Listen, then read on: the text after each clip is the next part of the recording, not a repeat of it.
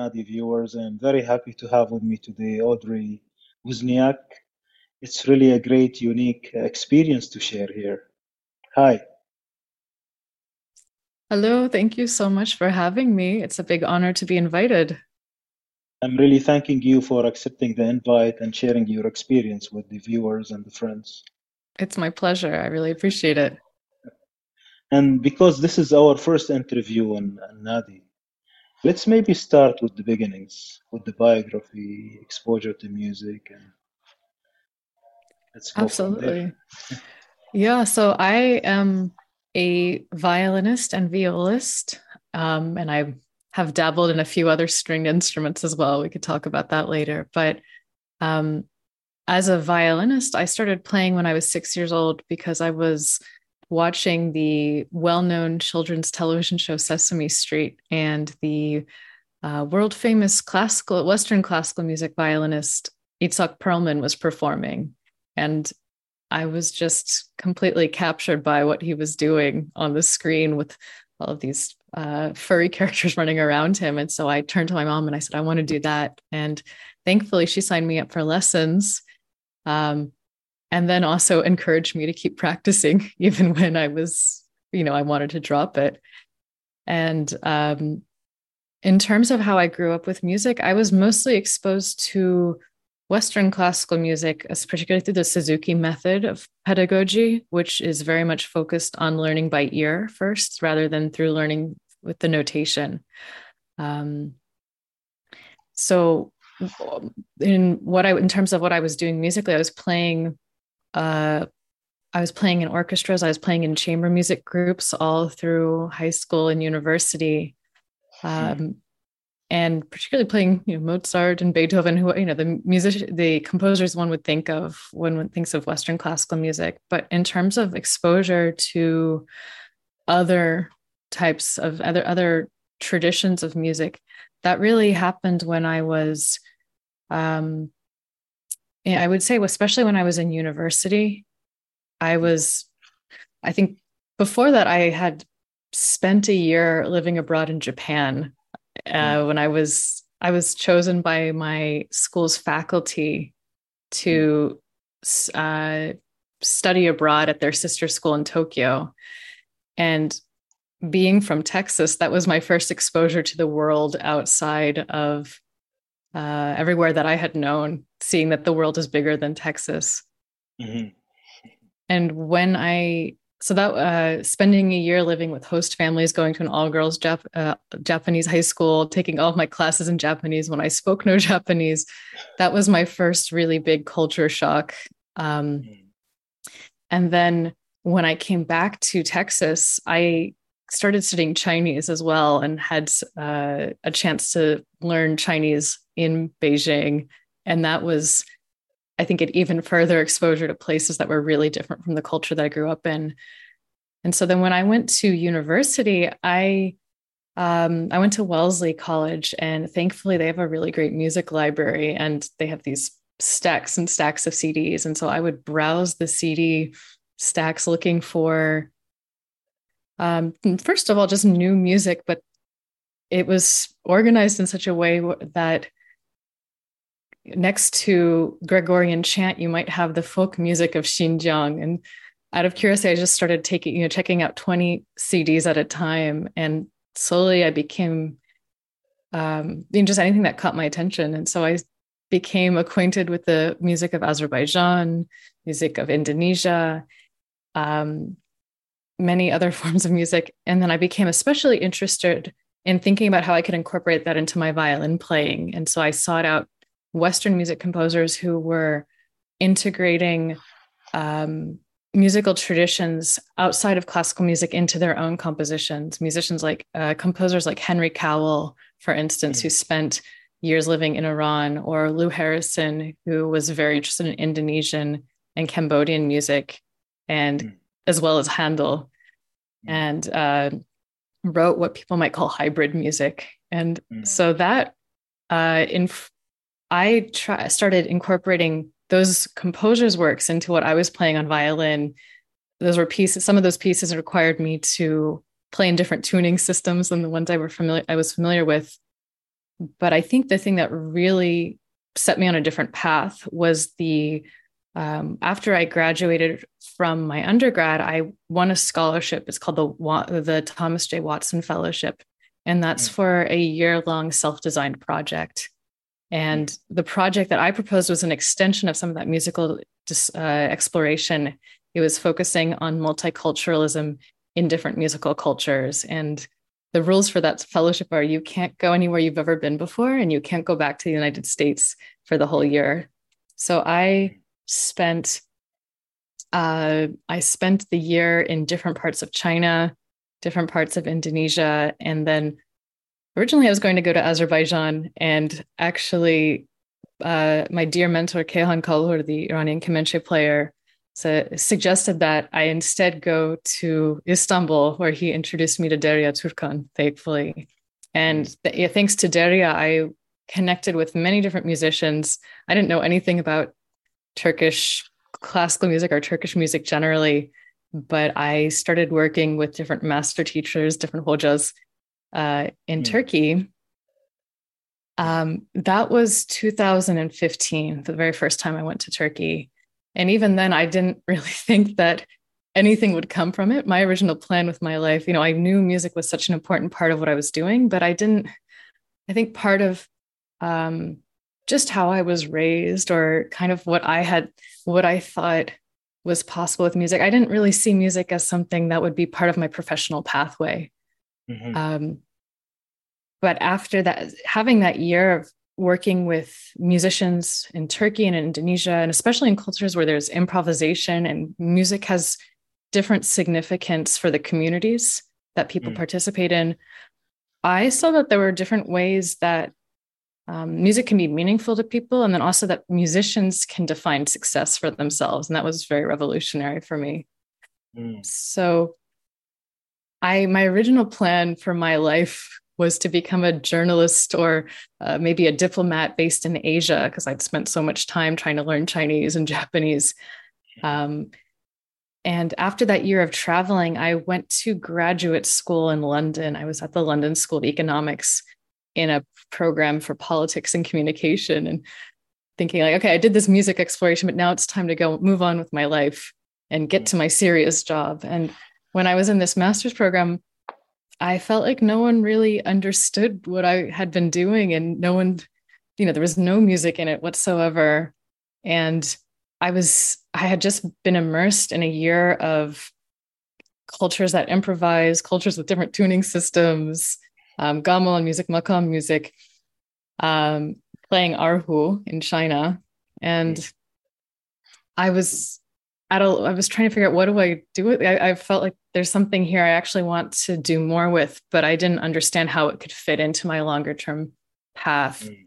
So in that year, that first year in London, I sought out ways to keep playing Turkish music in particular. I connected with um, by chance, I connected with Tur- some Turks who were living in London who had an amateur choir, mm. and they accepted me in, even though I really I wasn't very good at trans. I was actually not very good as an understatement. I was really bad at transposing, and everything was played. You know, they played things in different tunings. They played in what we'd call kuzne or in bolahenk tuning, so to, as notated down a fourth or a seventh and mm. that I couldn't wrap my mind around it. And so I was, um, they were really accepting and warm, and it gave me an outlet to play, uh, keep trying to learn Turkish music. And then in all of my f- breaks from school, I would travel back to Istanbul and keep working with my teachers there.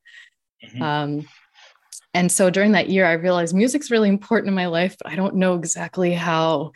And I ended up after graduating, I, then I went to music school. I went to conservatory where I did uh, also in London at Trinity Laban Conservatory, where I was doing violin performance. It was a Western classical conservatory, but thankfully they're very open minded. And so I was at the same time playing all this Turkish music and, um, like I mentioned, sort of these hybrid compos like our music that I say is a little bit beyond just the Western classical traditions. For example, music by Xenakis and Theodorakis, Greek composers.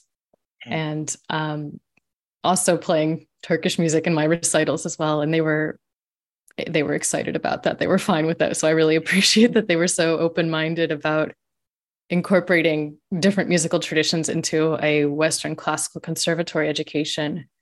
Um, and so that was great because I really was embracing. I saw that as a time to, you know, if this is the time for me to improve my technique, to really get a better mastery of my instrument because uh, I don't know when I'll have this chance again. Uh, mm. But I, at the same time, I was missing the research and the academia side of what I had been doing before. Um, yeah. And I think the thing that really was so, I think, was a big turning point was that one of my professors at the conservatory knew about my background and she suggested, you should do a PhD in ethnomusicology.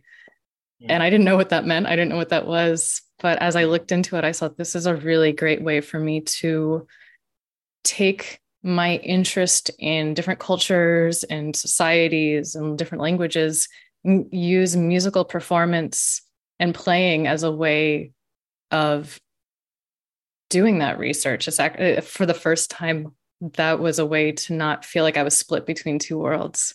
So I think fast forward, I'm trying to fast forward probably a too long story. I'm now doing my PhD at Harvard, where I am um, writing. I'm focusing actually the the Turkish music choir that I joined in London was the seed of what would become what is becoming my dissertation, which focuses on the development of the choir or the koro mm-hmm. uh, in Turkish music culture, both in Turkey and in its diasporas. And I think to these days I am doing a lot of academic work. I'm writing articles, publishing, trying to finish writing my dissertation, but at the same time, seeking out projects as a violinist and a violist where I can draw on the now, I think, eight years of playing makam based music, especially playing Turkish music, Turk, what we might call Turkish classical music. Mm. Um, and I find yeah finding getting involved in projects that allow me to draw on those different the different training that I've had as a musician. Interesting, amazing. allow me to pick into some spots Please. of this timeline, maybe give some elaboration. Would you describe the community how it was there back in Texas in the beginnings and uh, the way you're practicing music, practicing music at a later stage? Yeah, absolutely. I grew up in Austin, Texas, which is known as the live music capital of the world, but I don't know that it's necessarily known. Uh, it's, I think, probably most known for like country music and rock music. And um, I, there was a, there was also a strong classical music community too. And I think I was very much immersed in uh, that community in Texas. I would say that the way that I grew up, probably the best way to describe it would be provincial, meaning that mm-hmm. there's a good segment of the people around me who, you know, they grew up, they were born, raised, and spend most of their lives in Texas. And so I find it, um, that's a difficulty. I think it's both a blessing and a curse of having done so many things that are considered global is that mm. um, sometimes it's you know you when i go back to texas i have to explain what i'm doing to people and they don't really understand sometimes you have to be really open minded like the words turkish music and ethnomusicology or um, i think it can be that seems really far away for a lot of the people I grew up around. Um, so I have learned to try to balance what I say depending on who I'm talking to, you know, to see like how are they actually interested or does this seem completely wild to them? Um, mm-hmm. but uh, yeah, I, I think I don't, I don't, I didn't get any exposure. I had no idea about makam based musics of the world that just like was not in my lexicon until mm-hmm. almost a decade ago for mm-hmm. instance yeah now do you remember the first uh, exposure or first encounter of non-Western, non-classical music? How was it? Non. Well, so I, if I were to say non-classical music, I would have. I think uh, when I was a child, we, I would go to Suzuki uh, summer camps, which were mm. Actually these sort of training camps, pedagogical camps uh, yeah. for uh, Western classical music. But there was a jazz session there. and hmm. that was so terrifying for me. I know that doesn't actually sound like it's that far. I think jazz is often still considered part of Western music, but the whole idea of improvising in hmm. jazz, mm. and especially the part where the leader of that session said, we're now we're gonna sing scat like boo bop bop ba doop da ba something like that. Yeah. And we're going to go around in the circle. Each person's going to improvise. And I was just terrified because the way I grew up was you work hours and hours and hours by yourself in a room to perfect the notes on the page as they're written, as your teacher tells you to perform them with the bow. You know, you are notating and you're memorizing what the bow does, what your fingers do. There's not room to do to go off on your own. And that's not mm. something that I just I couldn't even imagine it. And so I think I think when I was very young and being forced to scat sing at, uh, at this camp, that was probably the first time that I was engaging with, like, actively engaging as a musician, not very well, with something that was unfamiliar. I, of course, was exposed to lots of um, like Latinx music growing up in Texas. You hear Spanish language radio constantly. Mm. But I think that um, something that something beyond those early exposures. Um, some of, I would say, the thing that comes to mind would probably be I think, like I mentioned, some listening, actually s- deliberately seeking out those recordings, hearing folk music of the Uyghurs in Xinjiang. Mm. I think when mm. I was doing my own listening exploration, that's when I um, I think that's when I got when I was particularly engaging. Of course, I think there were plenty of examples of me hearing musicians, you know, whether at some like World Music Festival or here, like mm when I mm. was in Japan and China, I'm sure that I heard sounds that were unfamiliar. But in terms of actively engaging and mm like be having some curiosity about a non-Western music tradition. I think that that really happened in university. Yeah, interesting. So you have a, a trained ear for particular uh, tunes and uh, intervals, and now you are exposing yourself for this curiosity for uh, something else. You know, how was how was that accepted? How can you say that one more time? How was it accepted? How, how did you accept, you know, such tuning? with, oh yeah, for a trained ear? That's a really good question. Definitely. Yeah.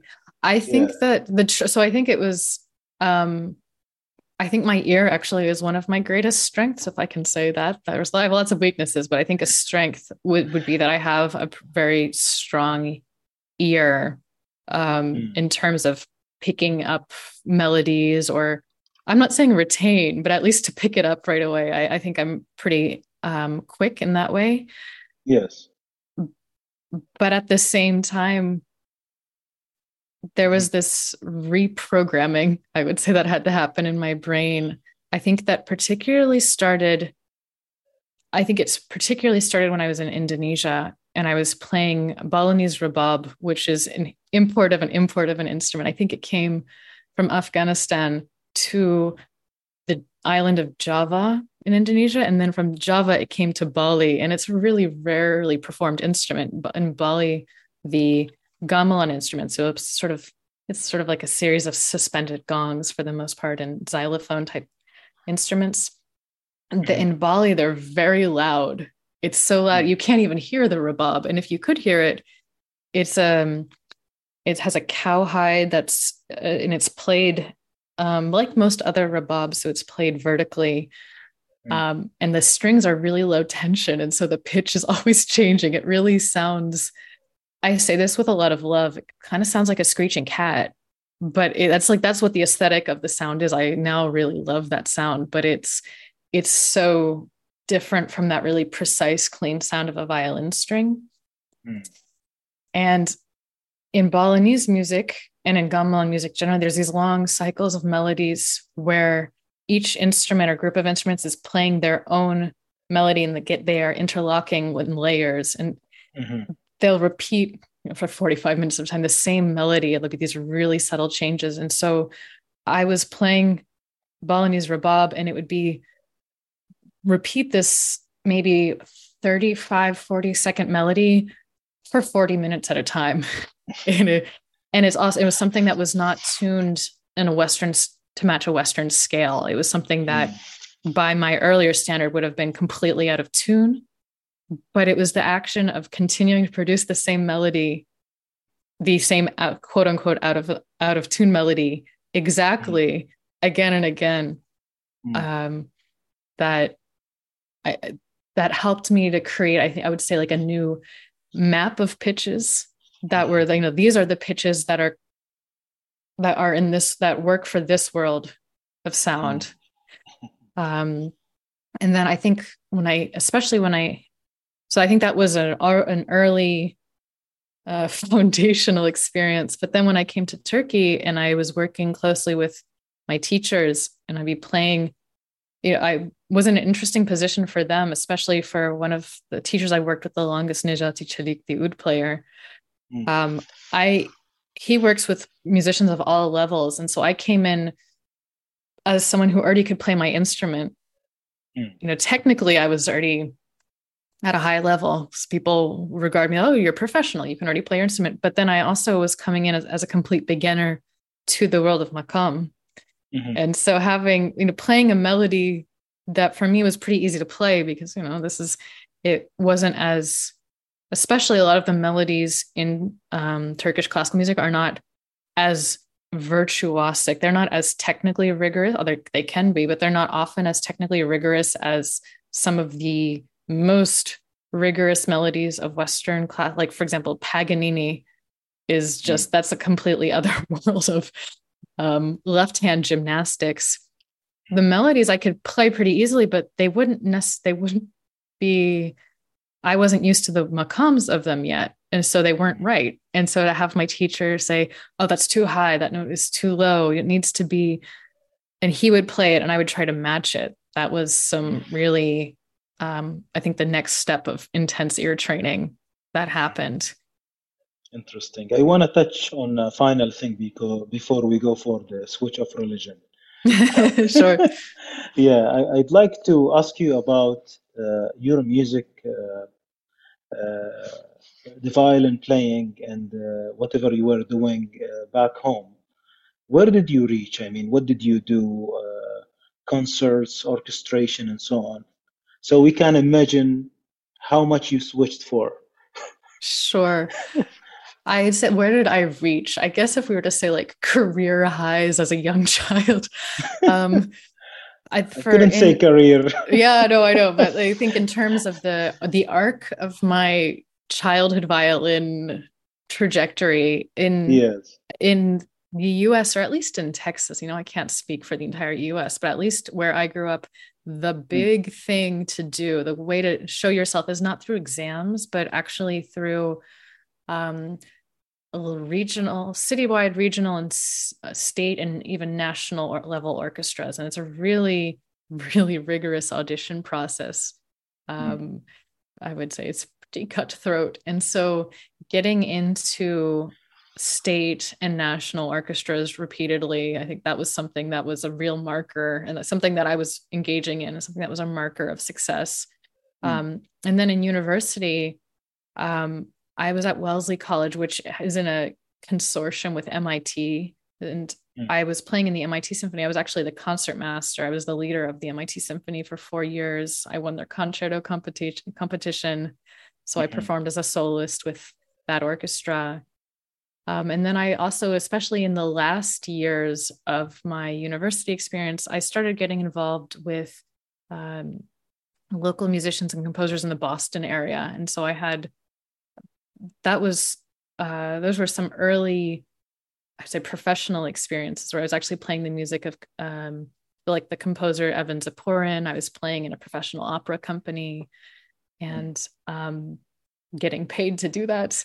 So that mm. I think for me, that was a big turning point to say, okay, I'm not, maybe I'm not just a student, but I'm actually, you know, I mean, I think the idea of a professional musicianship is already kind of a complicated one, but at least for mm. me, that was a signal that, oh, I can, there's more to do, more I can do beyond just school or these sort of um, mm. institutional orchestras that i've been a part of. Mm. Interesting. So you made some name, let's say, at the least. All right. now, say?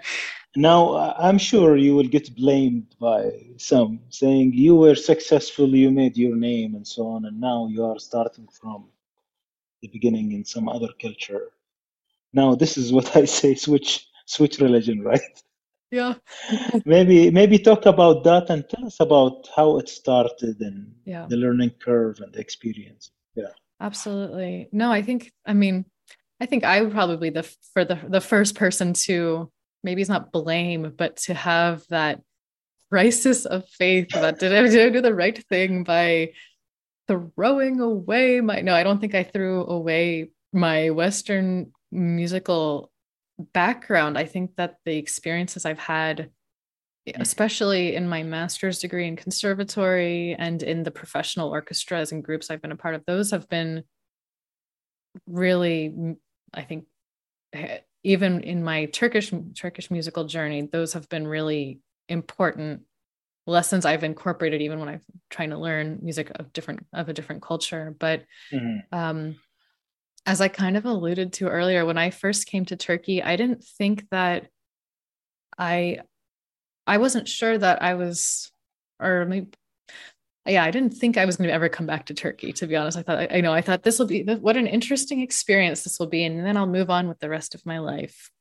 Again, you know, the journalism or the diplomacy or the, you know, I didn't think that I didn't have any plans to learn Turkish language. I didn't have I definitely didn't plan to do a PhD focusing on Turkish music.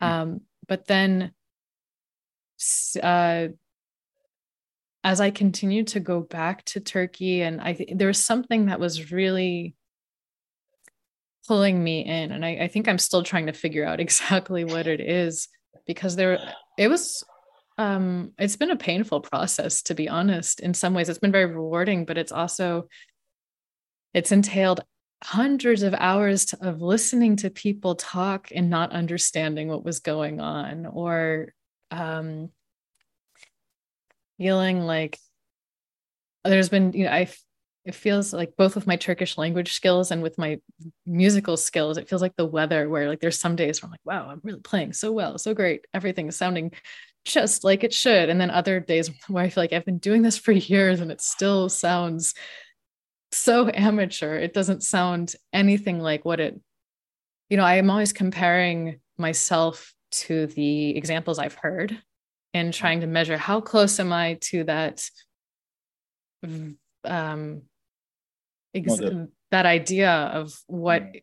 is the idea you know to that ideal of mm-hmm. Turkish violin playing, even though I mean we'll, we can talk about this later. There's actually not one version of Turkish violin mm-hmm. playing, but yes, um, I think you know it started. I guess what I'm trying to say is that it started as a something I was curious about, something that someone had introduced me to, and I was trying to learn more about for the, this project that I thought would end, and then I would move on. But then, as I continued pursuing it, and I, I you know, I think I was really fascinated by the challenge of the microtones of the maqams by mm. especially by the um taksim aspect of it mm. and i think beyond uh, in addition to taksim even in notated pieces the idea that you don't play what's on the page you mm. add your own yorum your own commentary mm. through the embellishments and the ornaments that you do there's kind of this quasi improvisation that's always ha- happening even when you're playing something mm-hmm. that's notated mm-hmm. um, and I, I think that's going to be a lifelong journey. I don't think I'm ever going to be happy with how I play, to be honest. Or I feel like I've made it to a point where I'd say, yeah, no, this is this. I've now become a Turkish violinist. Like, I mm. think that much like the way I speak Turkish now, I speak pretty fluently at this point, but I know I have an accent and I don't think that's going to change. I think it's mm-hmm. unlikely mm-hmm. to change. But I also know that people understand me and that I can communicate so I, I think it's about um, finding um, finding a balance. And i think as i mentioned too finding those projects where i feel like i can draw on the skills i've gotten from both sides. On the technical side of things um, in terms of learning one uh, one thing that is really different in turkish music is that you don't show up for an hour long lesson and then go back and practice you know the the pedagogic style is so different mm. that so much of the learning that I've done has been, I would say it's a model of Meshq or it's somewhat um, mm. resembles Meshq or even just ad hoc learning where uh, it's there's some time that is spent playing, but then there's other time which is observing, and other time which is drinking tea and listening to people's conversations. Uh, and then I think on top of it, participating in amateur choir concerts or playing in informal group settings with musicians and where the it's kind of low stakes and you can try out different things and um and then also I think playing alongside really high level musicians who thankfully let me join in with them that there's a lot of learning that's happened by just trying to imitate something about what they're doing and incorporate it into my own playing. Mm. So I don't think, um, for better or for worse, I haven't followed one school of violin playing. It's a really a hodgepodge of all of the people that I've interacted with. Mm-hmm. Would you mention some of the names uh, of yeah. you worked with, violinists or none? Absolutely. In terms yeah. of violinists, um, in chronological order, mm. Uh, it would be Baki Kemancı and Canan Sezgin Geylan, uh, the much beloved deceased, passed away uh, Ayhan Çakır, rahmetli, mm. um, Kemal Jaba, uh, mm. Talat Er. So the, I think those are some of the, and then there's many other violinists who I've spent time around, spent time playing with. But then in addition to that, uh, Necati Çelik, who I mentioned, um, Ismail Hakkı Fengiolu, another oud player, uh, Özata Ayan, a tambour player. Um, there's, I'm gonna be upset for not mentioning other people, but I think those are some of the, those are the yeah. key people who come to mind. So, what is your now? You are coming to a new culture, a new language, and a new everything, right? New people.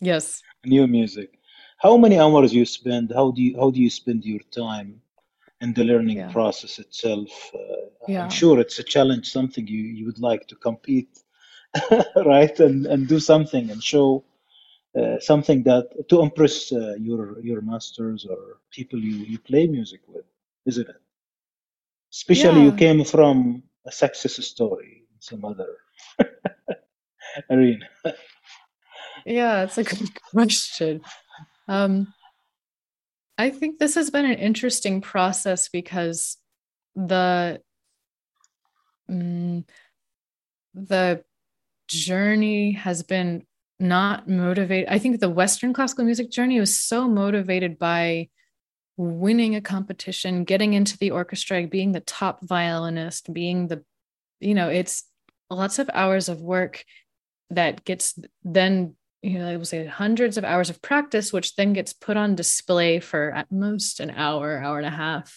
months later. It's very, um, when you're performing in a, sort of a solo or chamber music. And I think because I came in, my, my entry into Turkish music is really unique in some ways. I already could play violin, but I couldn't play Turkish music. So I was sort of mm halfway there and also at the square one. Um, I haven't been it's been interesting to i'm really grateful to the musicians who have and welcomed me in. I think there's some of the some of it is the novelty factor of having a foreign female violinist who can play their instrument. Like i said i have a good ear so i can pick up things pretty quickly. So I, i've been lucky that for whatever reason a lot of very high level musicians have been super generous to invite me to spend time at their rehearsals or to come play with them. Um, but at this yeah at the same time i think the it's for me i think the goal has been different in the sense there hasn't necessarily been a goal for a long time i think a lot of it has been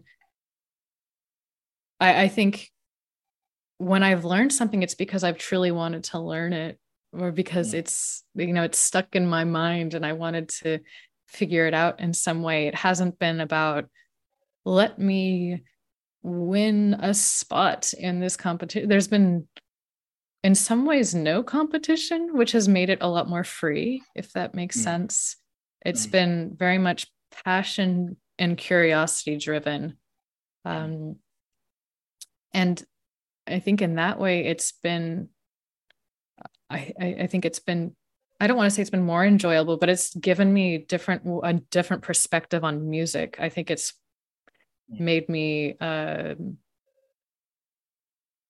I think it, it's frustrating sometimes because I feel like I've left behind some of the tech you know I I realize so I think I took your question a more philosophical direction. I can just yeah, give you sure. a straight answer too. But um there's times where I feel like I've left behind something. Like if I had just stuck with Western classical music, I could have played harder pieces. And I, because a lot of it's like going to the gym, Western mm. classical music, you have to keep doing those arpeggios, you have to keep doing those really fast, you have to keep working on the intensively on those um, pieces and exercises to stay in violin shape to mm. um, and i mean i think that's true to a certain extent with any instrument but with um, turkish music it's been more of a i've been doing a broader general explanation and a lot of what i've been learning too is stuff which is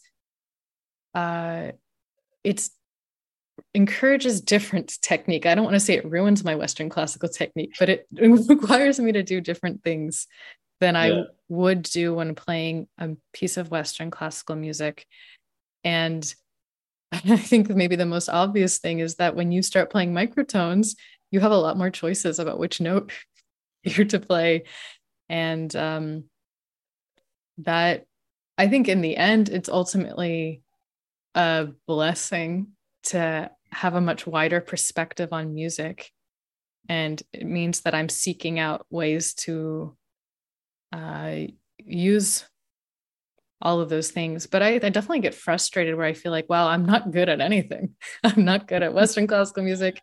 I'm not good at Turkish music. Why, why, you know, and also it's not like Turkey needs another violinist. There's plenty of great violinists here. So I, there's, especially a few years ago, there were times where I would kind of um, metaphorically look in the mirror and say, like, what am I doing? What is the point of this? Because I don't think I, I, you know, I didn't have a great answer for that um, I think doing a PhD and being able to use my ability to play with musicians as a way of doing research has been a big a big part of the answer to that but as i've gotten more proficient with turkish music it's been it's been really rewarding to see that there are places where i can actually like i this i just did a project a couple of weeks ago in italy where i played both mm. renaissance music and makam music and then mm. a new music composition that was microtonal and i feel like i don't probably other people can do that but there's not necessarily very many who could mm. be able to pl- be able to play saba makam and then right after that a 17th century uh, composer nicola vicentino's 31 tones to the octave mm. melodies and then a piece of contemporary classical music that's highly microtonal so i those rare moments like that i feel like it was all worth it no no but i think it really was all worth it but um it's mm. been uh, definitely a lot of questioning about what it what it what does this all mean? I didn't really answer yeah. your question about what the practice process looks like. I hope you yeah. answer that if you'd like. No actually you did but uh, there is a, a, tiny bit there to highlight which is uh, the learning process where, where you call it ad hoc mm-hmm. for those tea times and discussions. How many hours were spent? Sure. and what's the format and what's the value added for out of like a whole day spent yeah that's a good really that's a mm. good question um so i think to give some context when i was at the height of my conservatory time in mm. western classical music conservatory i was probably practicing somewhere four to six hours a day uh, mm. intensively for things like recitals and performances in that um, that context when i yeah. was um, and then I would spend when I was in conservatory, I would, um, and I was living in London. I would every week I would was going for about two to three hours to this Turkish music meeting.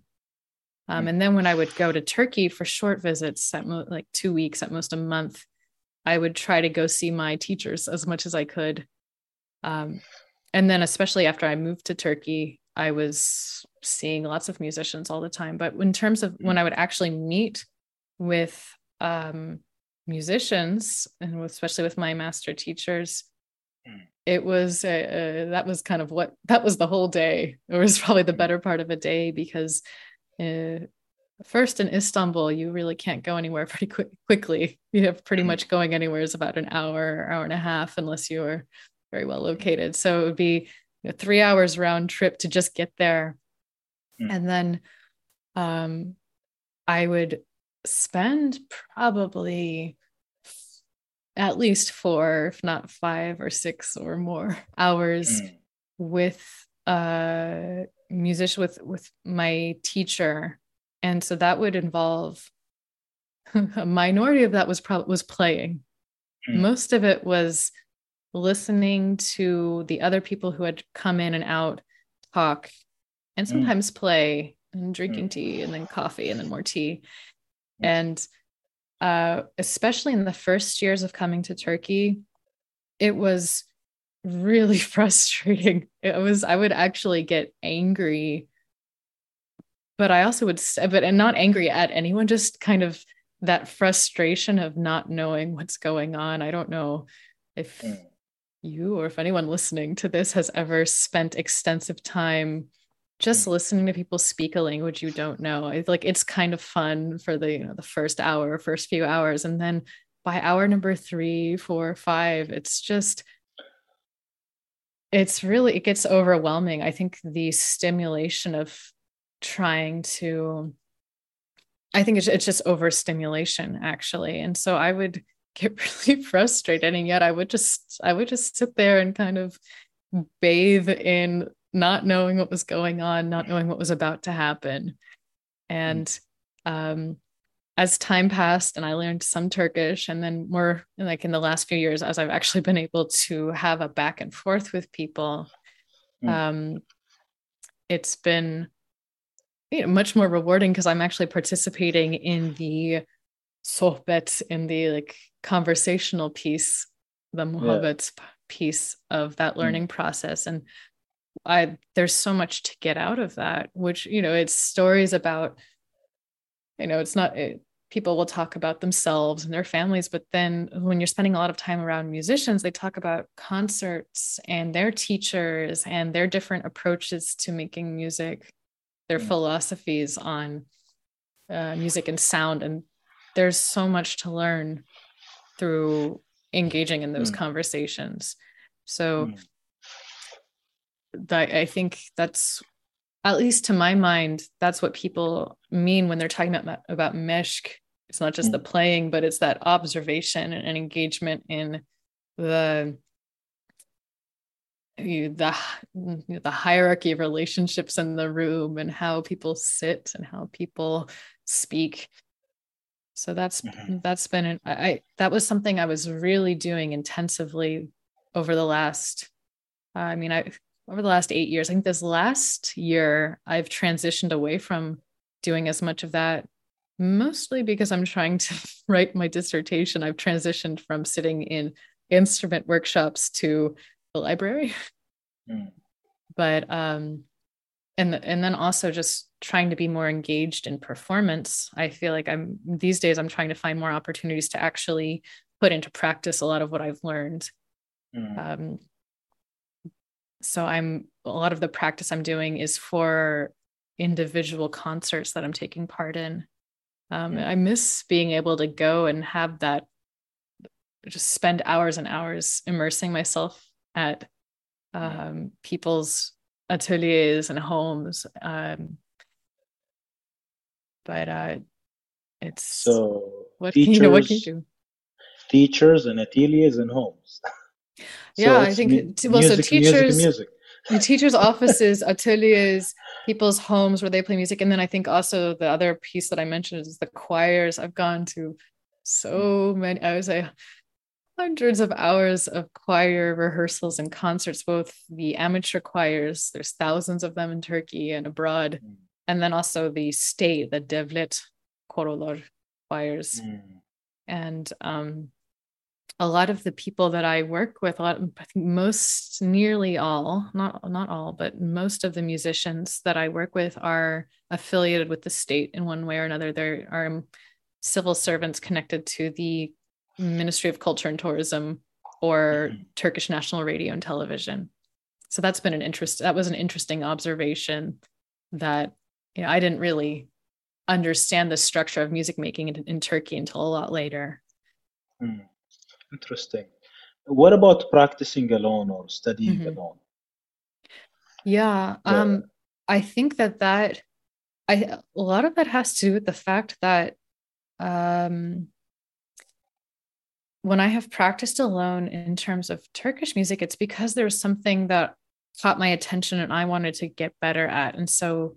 I've worked on my own for with Taksim's, or I would hear a piece and I would be really interested in that piece, and I wanted to yeah. learn it better. Or especially, I really, when I hear some someone has interesting um, mm. ornamentation, like a their interpretation of a piece I already know, I find really creative. I'll often mm. uh, spend a long time just trying to copy every aspect of that and incorporate that into my own playing. I think mm. be, so much of my actual practice with Turkish music has been in the company of others. I think that's often how it happens in Turkey mm. too, mm. where rather than you know you go you by yourself for many many hours and then you come out for the performance a lot of it happens in in conjunction in collaboration with others you say oh what do you want to play let's play this and i think that also keeps the repertoire alive too mm. you know you suggest a piece to play together and then someone else brings in a new piece and um, mm. that's also how i covered and memorized quite a lot of instrumental works it was mm-hmm. just this playing with many playing pieces with many different musicians and kind of getting a repertory in rotation so mm. yeah I'd say, of course there's things that i've done on my own but in terms of discovering new repertoire practicing it and trying out um, new ornamentation or something trying yeah. I, I, think that learning process has really happened with others and i think that's also a product of how many hours i would spend with musicians. Yeah. Audrey what would you pick for uh, our uh, like break? Would like to see some of these uh, you know context. Is there some kind of recording to share about such uh, settings and yeah, yeah, i think a video from one of the instrument ateliers where i've spent the most time playing with really many great musicians i think that would help give a sense uh, of yeah. the type of playing that i'm talking about. I'd say that's both practicing and performance collaboratively mm. at the same time. So um yeah yeah, let's see it then.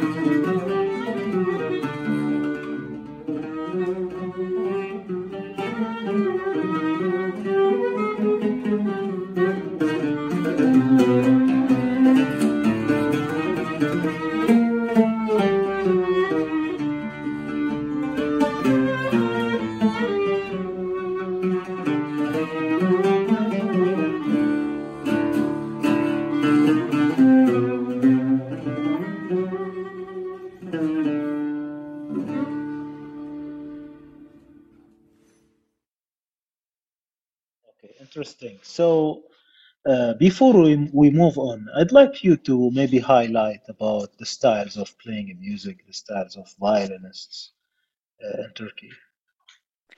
Yeah, um, I will not attempt to give a comprehensive list because I'm sure I'll leave out something important, and I would definitely hate to erase any aspect of the violin playing in Turkey. But mm. um, I have um I guess I've been fortunate to be able to play with a lot of different violinists from a wide range of I'd say a spectrum of violin playing in Turkey. Mm. And at the same time this means especially because there's certain musicians that I've worked with for longer than others and there's some who are more they're connected with each other and i think see themselves as part of one tradition the people who hmm. i have played with when i worked with musicians who were not as closely aligned with that school of thought let's say hmm. um, those musicians or those teachers would say oh why are you playing with that person that's uh, you shouldn't play with that person that uh, it's going to I don't think they would say mess up my technique, but I think they were worried that it was going to give me, it was going to poorly influence my violin playing, um, hmm. which I don't know. I mean, at this point, I'm just happy. I was happy to get any exposure, but I, I'm also not. I'm not uh, like as I mentioned before. I'm not coming in from a particular path. It's not like um, I've started from a young age with the same hoja and continued my whole entire life like just from the beginning i was jumping around working with different people and i feel like mm. for me that's been so beneficial to get a sense of the different styles but um the i would say the dominant voice in hmm. my mm. learning has been one that encourages clean this is like to translate from turkish clean and plain temiz. It needs to be very temiz. And um, something which is a continuation of the oldest style of playing recorded. So i think a hmm. lot of these early recordings of violinists something that seemed seen as sort of a continuation of that earliest recorded style um, especially i think there's something if i were to describe it it's creative and it has it, eh, um but it's not showy it's not mm. um fireworks which uh it's something which is i would say represented by i don't know think of like uh, like Nubar Tekyay or mm. um, Sadi Işılay, like these early, early violinists, mm. um, where it's, I would call it a kind of conservative traditional style where mm. it's the the taksims are very creative, but I would say they're also subtle or they're modest they're not trying to wow you with their virtuosity, but rather just the kind of ingenuity of the melodic mm. lines. Um, and there's something to be said about the vibrato that's being used. It's not mm. romantic. It's not, and I, I think the style, I, I'd say that that's a style that's heard often among the musicians in some of these state choirs not all of mm. them, but I, I think especially um, that's that's where I've heard it come out the most. Actually, that's not mm. true. I guess there's radio musicians. I think it's mostly generational. Mm. But then um, when I've worked with other musicians who I'd say have a, they've taken, I would say that they who have taken inspiration from musical styles beyond this conservative, narrow definition of today's mm. Turkish classical music. They might have like a wider vibrato. They might have more arpeggiated um, mm. moments in their taksims. mm. I think there's a spectrum there, and that often gets, and then there's even a showiness that is inserted, and that is often just gets labeled as something called piyasa, this commercial style, which mm. can be anything from what's being played on radio broadcasts, which are often livelier, to you know, Tarkan music video, or especially, you know, heaven forbid arabesque music, which is a whole yeah. other um, you know, I think the the high, very high levels of glissando, these mm. long scales, and yeah. that sort of like crying sound, and yeah, yeah, yeah, which I love that. I would love to play more of that music. I am sure my teachers would be upset if they heard me say that, but um, there's the the virtuosity that often comes out, and that um, genre or those genres of mm. violin playing. I really admire it, and I think it takes us a lot of it takes a lot of confidence mm. uh, that is not rewarded a lot of the time in the more conservative style. Like you know, if you were to play like that in um, the instrument workshops, or especially if you do that in a state choir concert, you'd probably get kicked out. so I think there's, and I, it also has to do with taste too. Um, there's some examples of this type of playing, this like really showy virtuosic playing, which it just is not.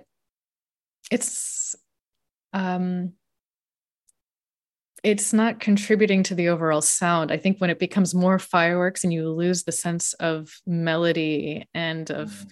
vocality, then it's you know then it's basically just an etude it's an exercise so it's something about straight for me i think being able to have that um in, uh, that ingenuity and that really clean sound but then also to be able to introduce um that high level of technique and had kind of you know these more romantic moments like that I don't know. There's people who can do both, or there's people who strike a really good balance. Mm. And um, uh, and then you know, there's people, uh, uh, but I don't think there's one right way of doing. You know, I love the old masters, and I hmm. also there's um plenty of you know, there's for example the group Istanbul Strings, which does a lot of um backing for mm. pop music they're mm. all they're great players. I don't think that they would be I, I think a lot of these uh, state uh, mm. Turkish classical music performers who primarily only play that music would not readily accept them. I think that's another part too. Is I think there's a lot of there's a big wall between the people who only play in one type of sound one type like the people who are very more strictly turkish classical musicians and then the people who particularly for commercial reasons because that's what they make their living doing mm. on the open market not for the state they're playing a lot of different genres they're playing western classical music arabesque music turkish classical music indian music irish you know they're trying to they're and they're improvising in you know in um lot you know in the studio they have to be more adaptable and flexible and i really admire that so um but everyone's got a one thing i've learned is that everyone has opinions about everyone else's playing yeah. and it's uh it's easy to it's hard to um get a I don't know. You can't make everyone happy. That's what I've learned. So I, I just try to I try to learn something from everyone and not take pay too much attention when someone says don't play with that person or their their style is terrible. Okay yeah. I think this is a message that your masters believe you can learn quickly. So you might re- learn the wrong thing quickly. Maybe so. Yeah they might they say right this is uh her mind can still be molded so let's not have it. Yeah. i think so. I think a lot of it was like don't get the wrong messages don't get the wrong influence in your playing but i don't know. I think that if you a real master musician could be adaptable and play more than one style or be be flexible so. Yeah. Uh, I remember I heard in an interview with uh, Derya Türkan, he mentioned the pressure in the music community in Turkey, mm. where he said this has pros and cons, where uh, anybody who would like to be a musician, he should be under severe pressure and to, to prove himself and be really of of a known name or maybe adding some value, making himself individualized, mm. uh, like uh, a product of of this community. How did you see that pressure yourself coming from an outside yeah. place? I am very fortunate to fortunate, unfortunate, but I'd say mostly fortunate to be an outsider. So I have the luxury of always being outside to this sense. I mean, but at the same time, I've worked really hard to try to get into this community. Mm. And uh I have witnessed and experienced all sorts of um, difficulties that musicians um, face when they're um, where they're in base you know what is a essentially a community where everyone's about one or two degrees of separation from one another yeah. um, and i think on top of that too where especially in the turkish classical music com- community also turkish folk music community mm. so much of it is attached to the state and that creates a whole mm. other level of complication mm. where the people are vying for the same jobs and there's politics involved too both in like the personal politics and then literally the sort of state politics or um, mm. those complications that can get in that can get in the way of people's careers i mm. would say that when I first came to Turkey, I heard people, you know, I saw the evil eyes hanging up on people's walls, on the doors. And I thought, oh, this is like this is traditional. This is, but then the the nazar, the evil eye, I started observing and also experiencing myself.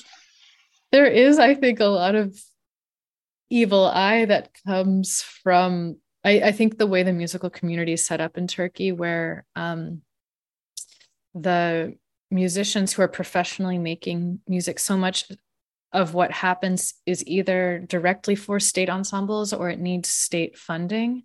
And the ways mm-hmm. of securing those positions and that funding is so much about who you're connected to. And then on top of that, you have a system where it doesn't always seem like a meritocracy. People who mm-hmm. get positions at least I often they're not perceived as or they it, historically they haven't always been perceived as being the people who are the best qualified for the job mm. alongside the people who were really qualified and that creates a morale issue um, mm. so i've i've witnessed a lot of jealousy i've witnessed or heard about and even experienced people just uh, creating barriers for one another or getting in each other's way or um, blocking another person's success. And i i and uh, particularly speaking for those who are in, working within the state system that's actually why i think that amateur choirs are much well the people often make fun of the quality of music you know these are basically retirees many of them most of them middle-aged women or mm. um, divorcees people who want to make new friends or just retired um, who have never played sang music before. Though people make fun of these groups as being like it's low quality music but i actually think that that it's much more um liberated version of music making you know because they they call in professional instrumentalists a lot of the time a lot of these state music, musicians radio musicians. So they have high really high level instrumentalists then you have a bunch of people having fun singing and i think mm-hmm. for the the i'm not saying that that's like the perfect model of music making but in terms of the um eliminating the the evil energy that competitive atmosphere i i think mm. that's sort of the other the other side of it but i yeah i think the the other thing i would mention too is that Turkey's especially in the last few years, been having a major economic crisis. And mm. as a, I think most of the musicians that I know, they're, uh, they're they're seeking concert app opportunities, or even more than that, they're seeking migration opportunities. They want to leave Turkey. I mean, that's not just a trend among musicians. That's it's like a huge brain drain happening in the country. And I've been amazed to see even people who have tenured positions in state ensembles seek they're looking for ways to do something to, to live abroad to which is hard when you play turkish music because the market the people who most want to listen to it are mostly or they're basically in turkey maybe also mm-hmm. germany but or in diasporic communities abroad but um that, it, i think people who have the musicians who are having the most who are thriving the most in their professional careers are ones who are able to set up concert opportunities outside of Turkey because there just there aren't for concerts get canceled all the time here because of um, the pandemic, because of earthquakes, because of minor the disaster with miners um, in a mm. collapsed mine. It, musicians are often the and performers are the ones who suffer when there's a nat, like a national disaster, and mm. then there's the election. There's all many reasons why um, concerts don't happen. So I think it's from it's just a very frustrating time and then you throw in a little jealousy a little bit of gossip and it's it's, it's really it's definitely really really tough to be a musician in turkey these days mm, interesting can we switch to the instruments and performance? I have sure. really some good questions, and I'm sure I'll get a lot of good experience in there. Uh, first of all, did you think about learning some Turkish instrument, like other than the violin and the viola? Yeah, um, uh, being I, exposed to all of these instruments. Yes. No, it's a very good question. yeah. Um, because I have had experiences learning other instruments. I would consider myself a decently amateur performer of erhu, the Chinese two-string fiddle. Mm. I've played Uyghur ghijak, which is very similar to kabak kemane or rebab in hmm. Turkey. Mm. Uh, I played Balinese rebab, but um, in Turkey, I was I kind of embraced the fact that violin has existed in this musical culture for at least 150 years, if not more. Mm-hmm. mm-hmm. And I there's so much for me to learn as a violinist. You know, I felt like I was starting over on the violin. I, I what I have done here has felt like treating my my instrument as a new instrument, even though mm-hmm. there's something that I'm very familiar with. At the same time, it's trying to figuring out how to make new sounds on the same instrument.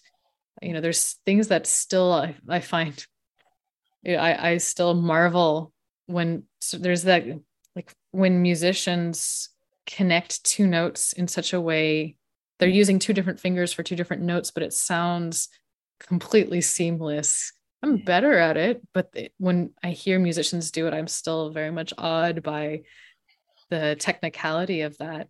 So for me i felt like rather than start you know start something new on a new instrument i felt like there's an advantage to learning how to play a familiar instrument in a new way. Um, mm.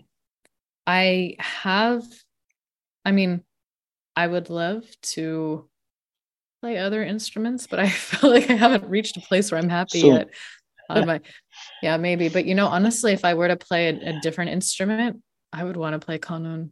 That's my favorite. I love oh, the kanun but yeah, no, I mean, obviously, I think Kemenche would be the obvious choice, but or Rebab. Mm. But uh, no, I, I I just love the sound of the kanun. So. Mm-hmm.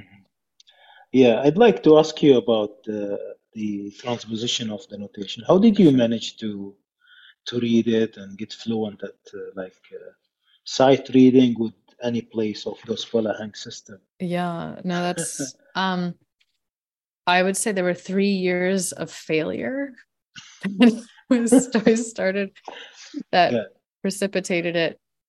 Hmm. When I was in London playing with that amateur choir, that was really where I, I think I was that was I, I, the training ground or at least the I feel like it was jumping out of the tree repeatedly trying to fly and not it was a, I would just play as quietly as possible because I couldn't especially we were doing kız ney tuning so it's about it's a seventh down from what's notated which mm. for a western classical musician that's it's not a third down or a fifth down both of those would be easier but a seventh is like as inconvenient as it gets i thought mm. at the time now it doesn't it feels pretty straightforward but mm. i couldn't wrap my mind around how to compute it i mm. and then i think the things that helped first was um, just doing it a lot and messing up repeatedly. And then I took a year of viola classes when I was in conservatory, and that revol- that involves transposing as a violinist.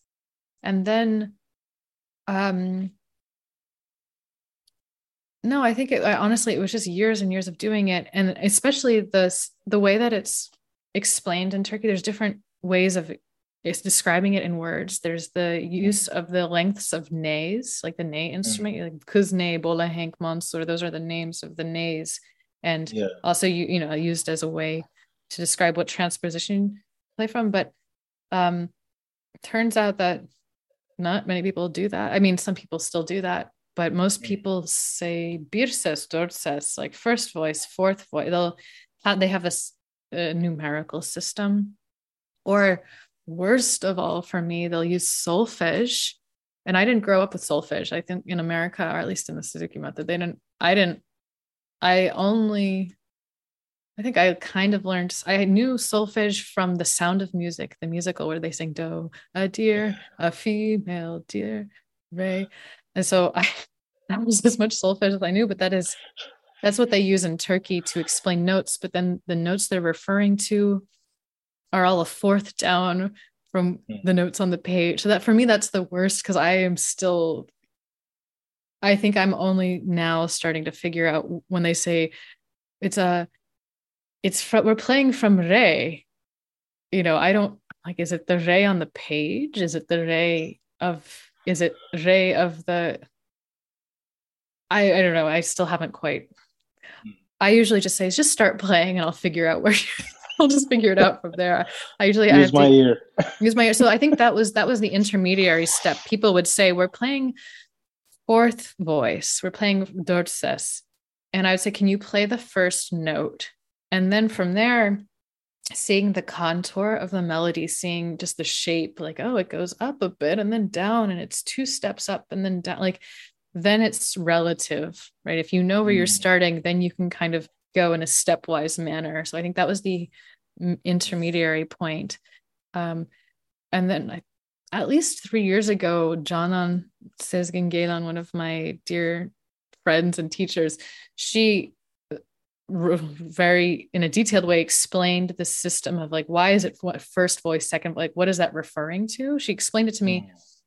and it made no sense when she did it but it stuck in my mind because she drew it out on the page like here's all the notes and if you go down one it's the first voice but i didn't it didn't compute and it only just clicked i would say about a year ago mm. like i now i remembered what she said i said oh that's why she explained it that way so mm. now it's the i understand it's it's been a combination of taking that relative melody shifting as well mm. as understanding how to compute what the starting note is. And then yeah. I think, especially um, in the way I grew up with uh, Western violin playing, you learn different positions. I'm sure this is, mm. you know, I'm sure this is something that is taught in other violin cultures, but we have first position, second position, third position. And mm. I, you know, I started realizing, oh, if I'm playing in this transposition, it's the same fingering as if I were to play it in third position mm. in Western music. So it's like this patchwork quilt of me using Western classical music, like violin technique or my own context, and then combining it with what I, how I compute or how, how I understand the yeah. voices. Mm-hmm. And then you know putting it together and then you know putting it together. And then mostly if i have heard from it's still the easiest is let me hear the piece one time and then and then i can play yes. it and you know I, having it in my ear is always the easiest way. Interesting. Audrey i think i should ask you about uh, changing your violin from it's the same violin that you have got playing the western music at some time now playing the turkish music and as you say the scratchy sounds back in java right? Now here you have a different kind of sounding. Uh, you don't have to have a clean sound isn't it? I think maybe clean is not the i would say the sound I don't know, clean is so subjective, right? So, because yes. I still have my, my teachers tell me, you know, they use the word clean all the time to describe good playing or also They're good clean. people. Also, people should be clean too. yes. Oh, he's a clean person. It's good you're spending time with him. So, I actually have two violins. And when I, um, for a while when I was in Turkey, I was using my, I have one violin, which is very nice and dear to me. It's a very old violin that was passed down from my great grandfather. That was it's mm. a it's um sentimental and it just has a wonderful sound for western classical music mm. but part, both because it for it has this very brilliant and um, high tension sound i'd say like a mm. very forward sound it's actually not ideal for and also because it's like very old and um mm. i think just hauling it ar- around turkey was not even hauling around i think i just you know taking it on buses and the metro mm. It it was it felt a little bit risky um both because of the sound was not quite right and then just because you know trying to take care of an old instrument I actually brought I brought it back home and instead I brought my my violin from my student years, which is not as great of a sound. You know, it's not as lovely next to the much older mm-hmm. violin, but with that one, I felt more free to actually do some adjustments to it so that it would be more suited to Turkish violin playing. It still doesn't, having played other people's violins in Turkey, it's still too Western sounding it mm. it's it stands out it's too bright really i think with turkish violin playing there, there's really an emphasis on the bass sounds and also having a really warm sound to the point that uh, violinists will put in extra pieces of wood cha- adjust the sound post mm. to it lower the fingerboard fingerboard height so that and use different types of strings uh, mm. to try to capture that sound. So I've done some of that. I worked with I worked with a luthier in Texas. I haven't worked with a luthier in Turkey yet. Um, but I worked with a luthier in Texas to try to adjust the soundboard and I put some different strings on. It still sounds not quite right. What I would love to do is get a violin from Turkey and just completely tweak it so that could be the Turkish music violin. But um, what has been really rewarding recently has been playing viola. I hmm. have a funny story about how that happened because I'm not, I haven't been playing viola in a professional way for a really long time. But um, mm. I was asked to play viola for a concert where they got my instrument wrong. Mm. And uh, the in Zurich, Switzerland, and they ended up flying out a viola for me from the former violist of the Zurich uh, Tonhalle Orchestra, and yeah, he came to the concert, and I, you know, I loved playing his instrument. I said, thank you so much. I'm sad to give you your instrument back. And then a week later, he wrote to me, he said, if you really liked my viola, you can you, you can keep it I'll, I'll send it to you and mm. i was completely shocked by that but um it was you know such a generous thing and so as for the last month i've been playing his viola i've been i've played played in a concert a few weeks ago i'll play it in a concert this weekend and um mm. i've loved playing it not just because it's a great instrument, but also because it's just by nature, it's a more bass instrument. It's a bigger instrument. Mm. It has thicker strings, a deeper sound. Um, and I think viola is really well suited for Turkish music. So this is me trying to promote the viola, promote the viola in Turkey, an underloved instrument. Yeah. So no more jo- no jokes in in violas in Turkey. Yeah? No, no. I I think I would love to hear everyone's viola jokes. I think. now the this uh, viola is like not very common in Turkey, isn't it? I've actually seen a few viola players, hmm. um, but very very rarely. I think the viola player I saw, the one viola player I saw was at the radio. There was a violist mm. performing, um, on a live broadcast, but it's not. I mean, I think obviously violin is really common cello is pretty common but viola is a i think it didn't make it didn't quite make the cut but i think actually very well suited to the music wonderful let's talk about tuning the bowing technique the uh, ornamentation uh, what else maybe the posture the hand posture the body posture now, now converting religion from yeah the, the, Western classical music to Turkish. Would you describe yeah. these to us? Yeah. Yeah. experience. Um, well, there's not just one way school of thought in Western violin playing either, but typically mm. You're taught that there is. I was taught that you should have a space underneath your arm between your arm and your body.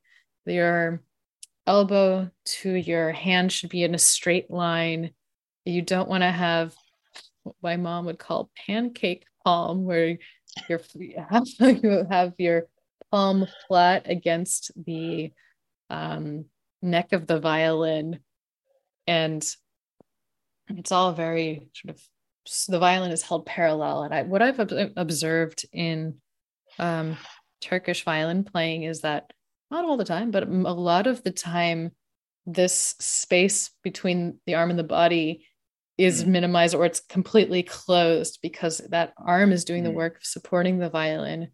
The chin is often lifted off, or it might be the chin is not doing the same work to support the entire instrument as it is um, in mm. Western playing.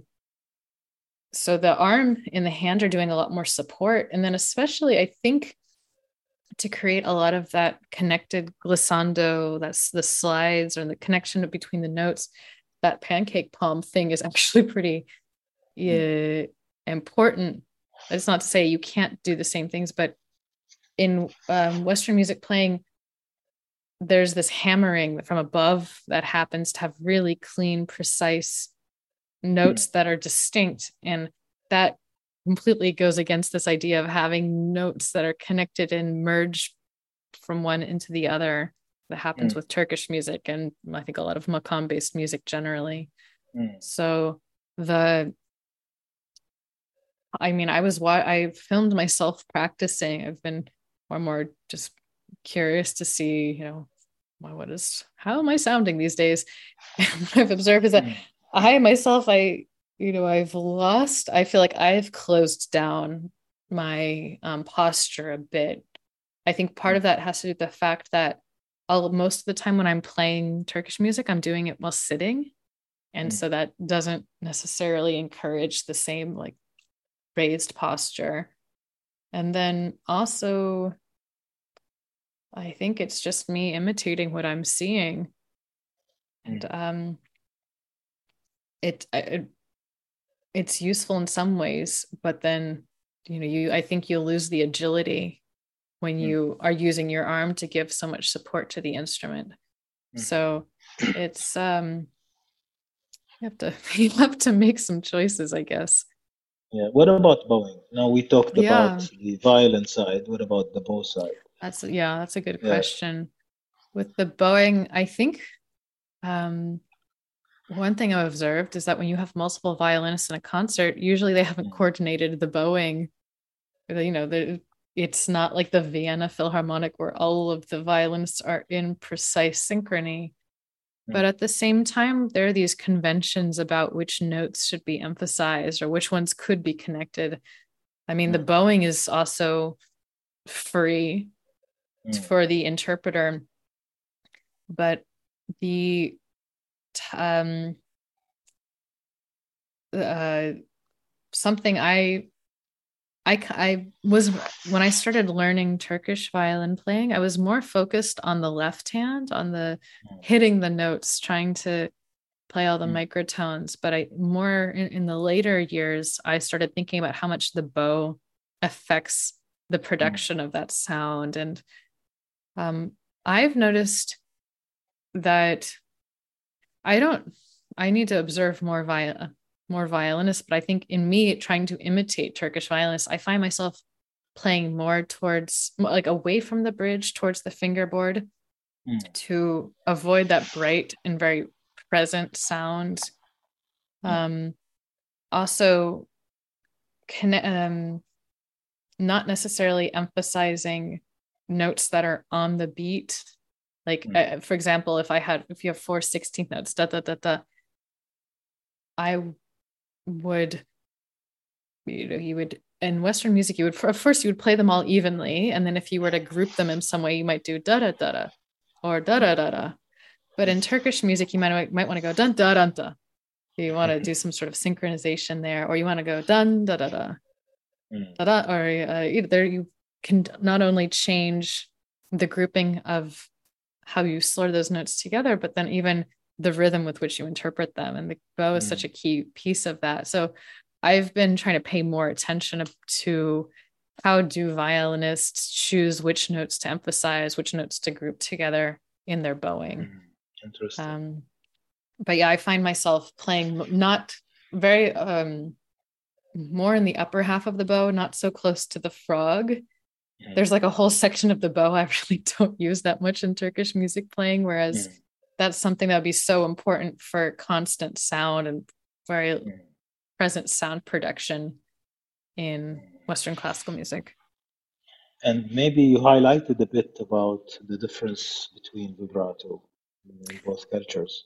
Yeah. But uh, I'm sure there are infinite number of ornaments that maybe attributes to this particular composition or this taste or style, isn't it? Definitely. I yeah. think, yeah, uh, the taste is very important because and also i think thinking about the makam too you know if you have mm-hmm. something which is a more um, i don't know like tranquil or sort of mournful feeling mm. you don't want to throw in a lot of ornaments because you're going to mess up that mm. sense of i mean i think there's there's some makams or maybe some pieces where less is more mm. where it comes out through it can come out through vibrato or it can come out through just more subtle things like the release of notes rather than mm. how many notes you can fit into a small space.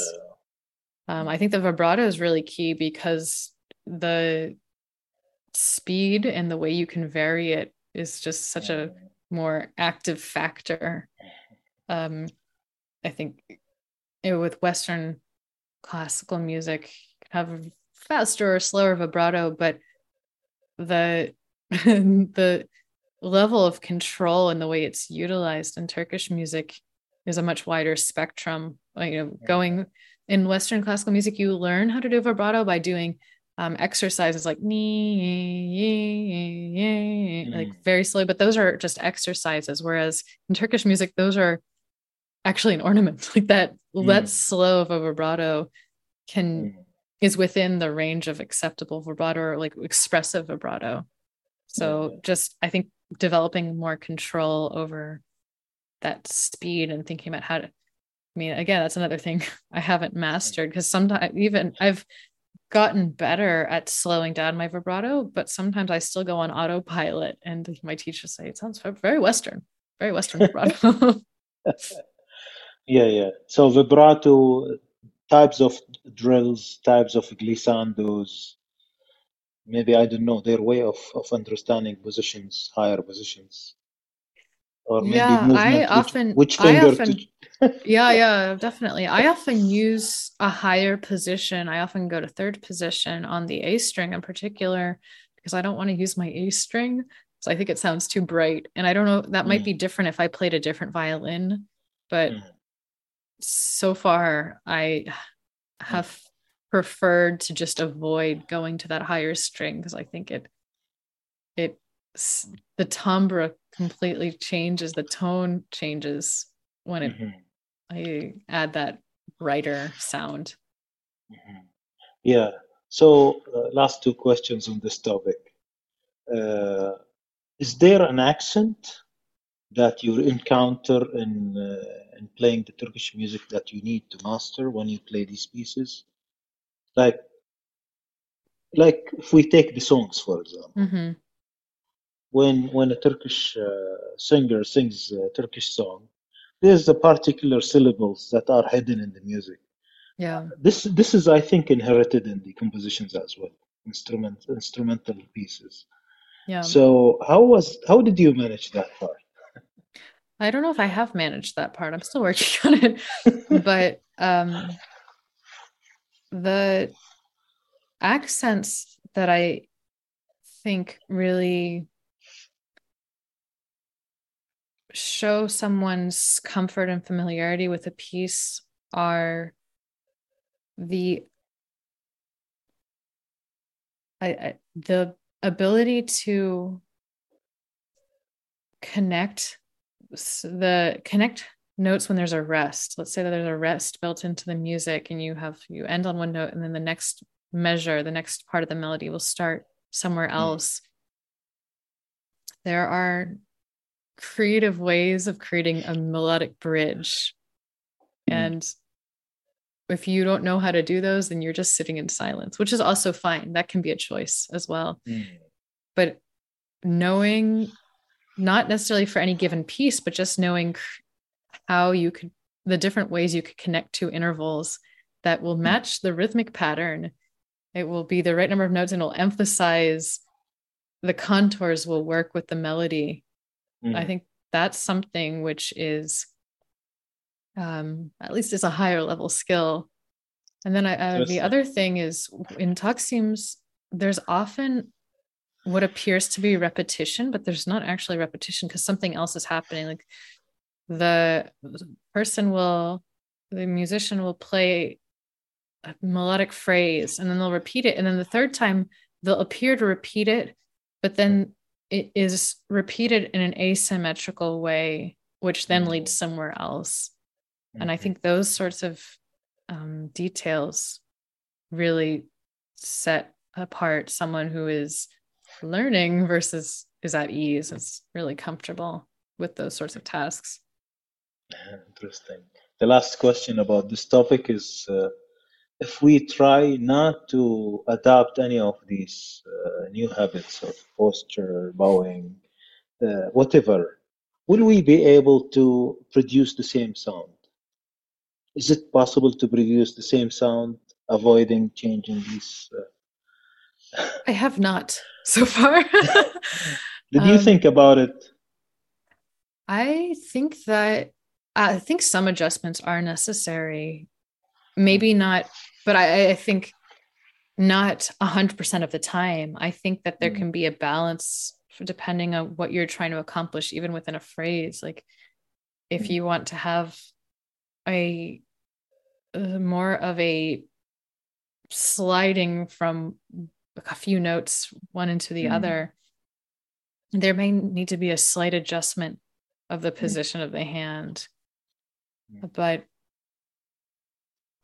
i don't know i think it's maybe because i haven't accomplished this without having to adjust my technique so it's hard for me to say like yes it's possible i haven't done it yet but i think that it doesn't need to uh, um happen all of the time. I it depends. And I, I, mean, I don't think that what I have done has been a radical change either. I mean, I haven't gone from like this to this, but I think it's been more of a subtle, just maybe loosening of the strictness of my technique to mm. allow different possibilities. Audrey, you mentioned in the beginning the uh, the idea of hybrid music, your first encounter of such music, right? Mentioning some right. names. Are you closer to the hybrid experience or it's a different experience today? Where do you find yourself? I think that I am um, more able to participate in the hybrid experience than I was before. And that's really exciting. Mm. Before, what I was playing was essentially Western music composers' imaginations mm. or their it was their windows into other musical traditions ultimately mm. they were still the musicians were still incorporating mm. music of other cultures into their own framework whereas mm. now i i feel like i'm more equipped to do mm, the opposite for instance to do something that's coming from a turkish musical tradition and then trying to incorporate something else like i um of course i'm not you know i'm not really claiming to be a master of anything but at least i have the exposure and the experience to be able to draw on two different mm. sides different cultures and i think that opens up a much wider range of possibilities and ways of engaging with music than if I just play Western music composers' hybrid music, mm-hmm. if that makes sense. Interesting. Would you please describe some of the activities, participations in the recent years? Yeah. Yeah. Absolutely. Um, a lot of what I when I was in living in Cambridge, Massachusetts for the early years of my PhD, I was uh, I had a Turkish music group that I was leading there. I was also the artistic director of Harvard's World Music Collective, which was mm. a, that was a really wonderful experience. That's a group of musicians from many different musical backgrounds: Carnatic music, Celtic fig- fiddling, um, uh, Turkish folk music, many different traditions who were um, creating their own arrangements of music from around the world. And so that was mm-hmm. an amazing experience to direct that group. And then I was also um, playing with uh, cont- uh, kind of contemporary classical music groups, uh, groups that mm. are known for playing uh, new works um, uh, so, for example, there was there's one group called Boston Modern Orchestra Project, which is a Grammy awarding group, uh, mm. which performs and records uh, mostly the work of living composers. Um, and then I was playing with another, I was performing with another group called Ambient Orchestra, which uh, we were recording a orchestral version of David Bowie's last album.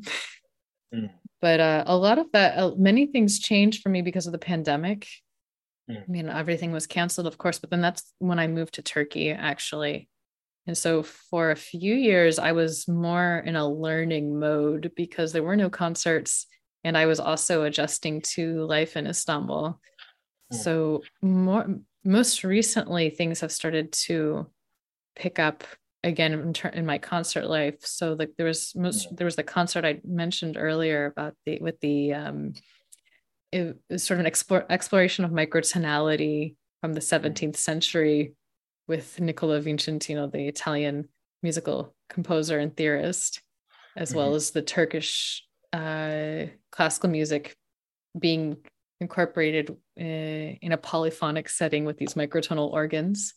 Yeah. Um, I recently with this concert in Switzerland, uh, which I'll be repeating this week, not repeating, but kind of doing a similar version of this weekend with uh, Bülent Bezdüz, who's a Grammy Award winning opera singer, and Dilek Turkan, uh, mm. the singer. It's orchestrated, I would say, almost Soviet or Azerbaijani style orchestrations of Turkish folk music.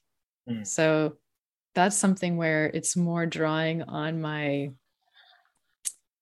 I would say that that's a different experience where it's these melodies which are from Turkish folk music, mm. but are being performed in a more classical orchestrated setting. and then after that, I have a concert which is uh, I'm performing as a soloist with a pianist. Which, uh, we'll be performing music from the Ottoman court by German composers who mm. were uh, working for the sultans in the mm. early 20th century. So it's so that's in a way also hybrid music because they these these German guys who heard Hijaz Makam but didn't hmm. understand uh, they didn't understand makams or microtones, so they just put mm. a lot of what looks like Hijaz into their violin and piano music mm. that they wrote for the sultans. So um, that's a little that's a bit of a snippet, but mm. it's uh it's this niche, I would say, that allows yeah. me to draw on these. these Interesting. I think you played you played in the radio. You had interviews. Uh, That's right. It? Yeah. yeah, and and and many concerts maybe, in, uh, because you play always in, in Turkey, isn't it? I um groups, gatherings. I have I've played in a lot of informal gatherings as well as um, actual concerts in Turkey, and I've mm. been a guest on the radio a couple of times. Mm. So yeah. it's yeah, but a wide variety of experiences.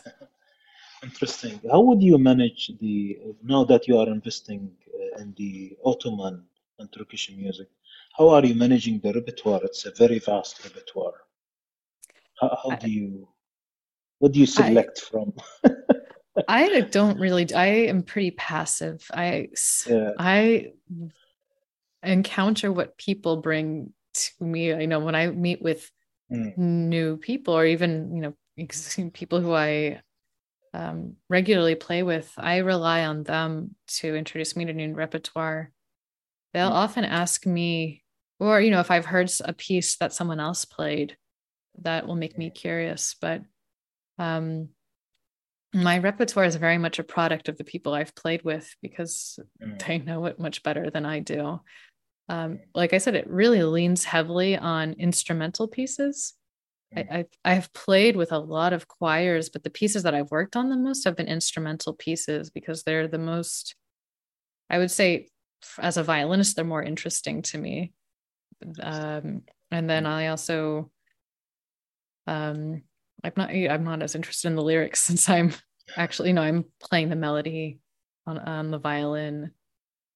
But it would I've had I the it's a fairly wide range, but it, I think it probably leans towards what is it like late classical or the neoclassical period.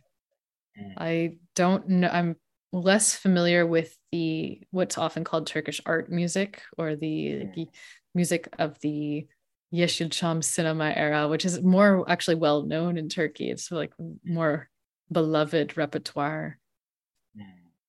But uh, you know, I'd say kind of like late 18 or sorry, um set like I guess I like late 1700s to first half of the 20th century is mm. probably where most of the repertoire I'm familiar with comes from. Interesting. And how would you classify a piece as a finished piece for you? Learning from both cultures. When do you say this piece is now ready to play?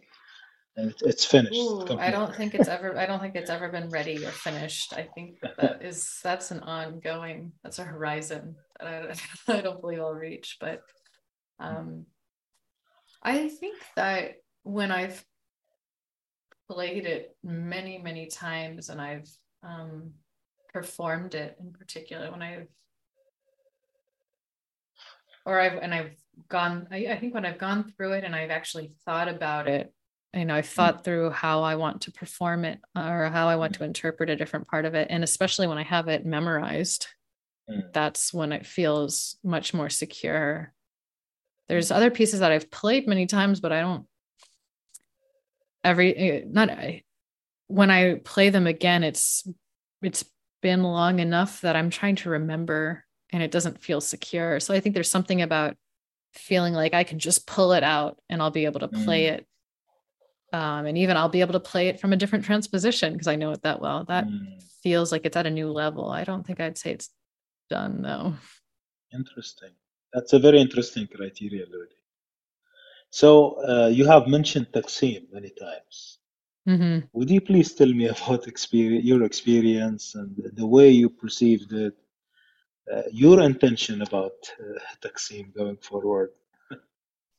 yeah. Um, I think that what I have, what people have often told me is that being able to perform a taksim is the measure of a master.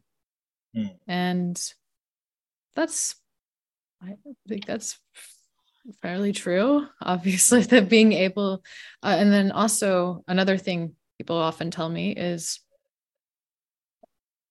being able to perform a taksim is not make one a master. It's something about the just because it there's mm. I this kind of this stepping um stone of like you can't play taksim. Now you can play taksim, but it's eh, now you're pretty good, but then it's not breathtaking. There's sort of the and I don't know how mm. much of this is mythical and how much of it it because there's a lot of I don't want to say it's an echo chamber. Obviously, there are really inspiring performers, but um, I think there's a lot of mythologizing of great performers where you know someone's like, oh, it was they did this taksim and that was the most amazing taksim that's ever happened. Like, yes, that was it becomes almost like this historical moment mm. at that taksim.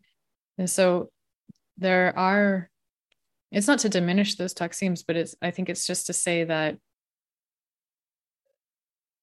the there's a something about the recognition of mastery from other people that goes into the improvisation process and i think for me that's what's made it besides the fact that that's not in my background improvisation is not something i grew up with and that's something i've started doing only relatively recently. Hmm. Um, I think that's the th- thing that's made it a bit scary to engage with.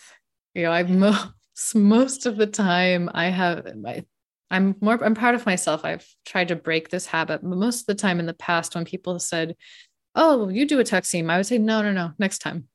I would hmm. usually turn down the opportunity because I was really scared of making a mistake yeah. and being, especially because I am an amateur.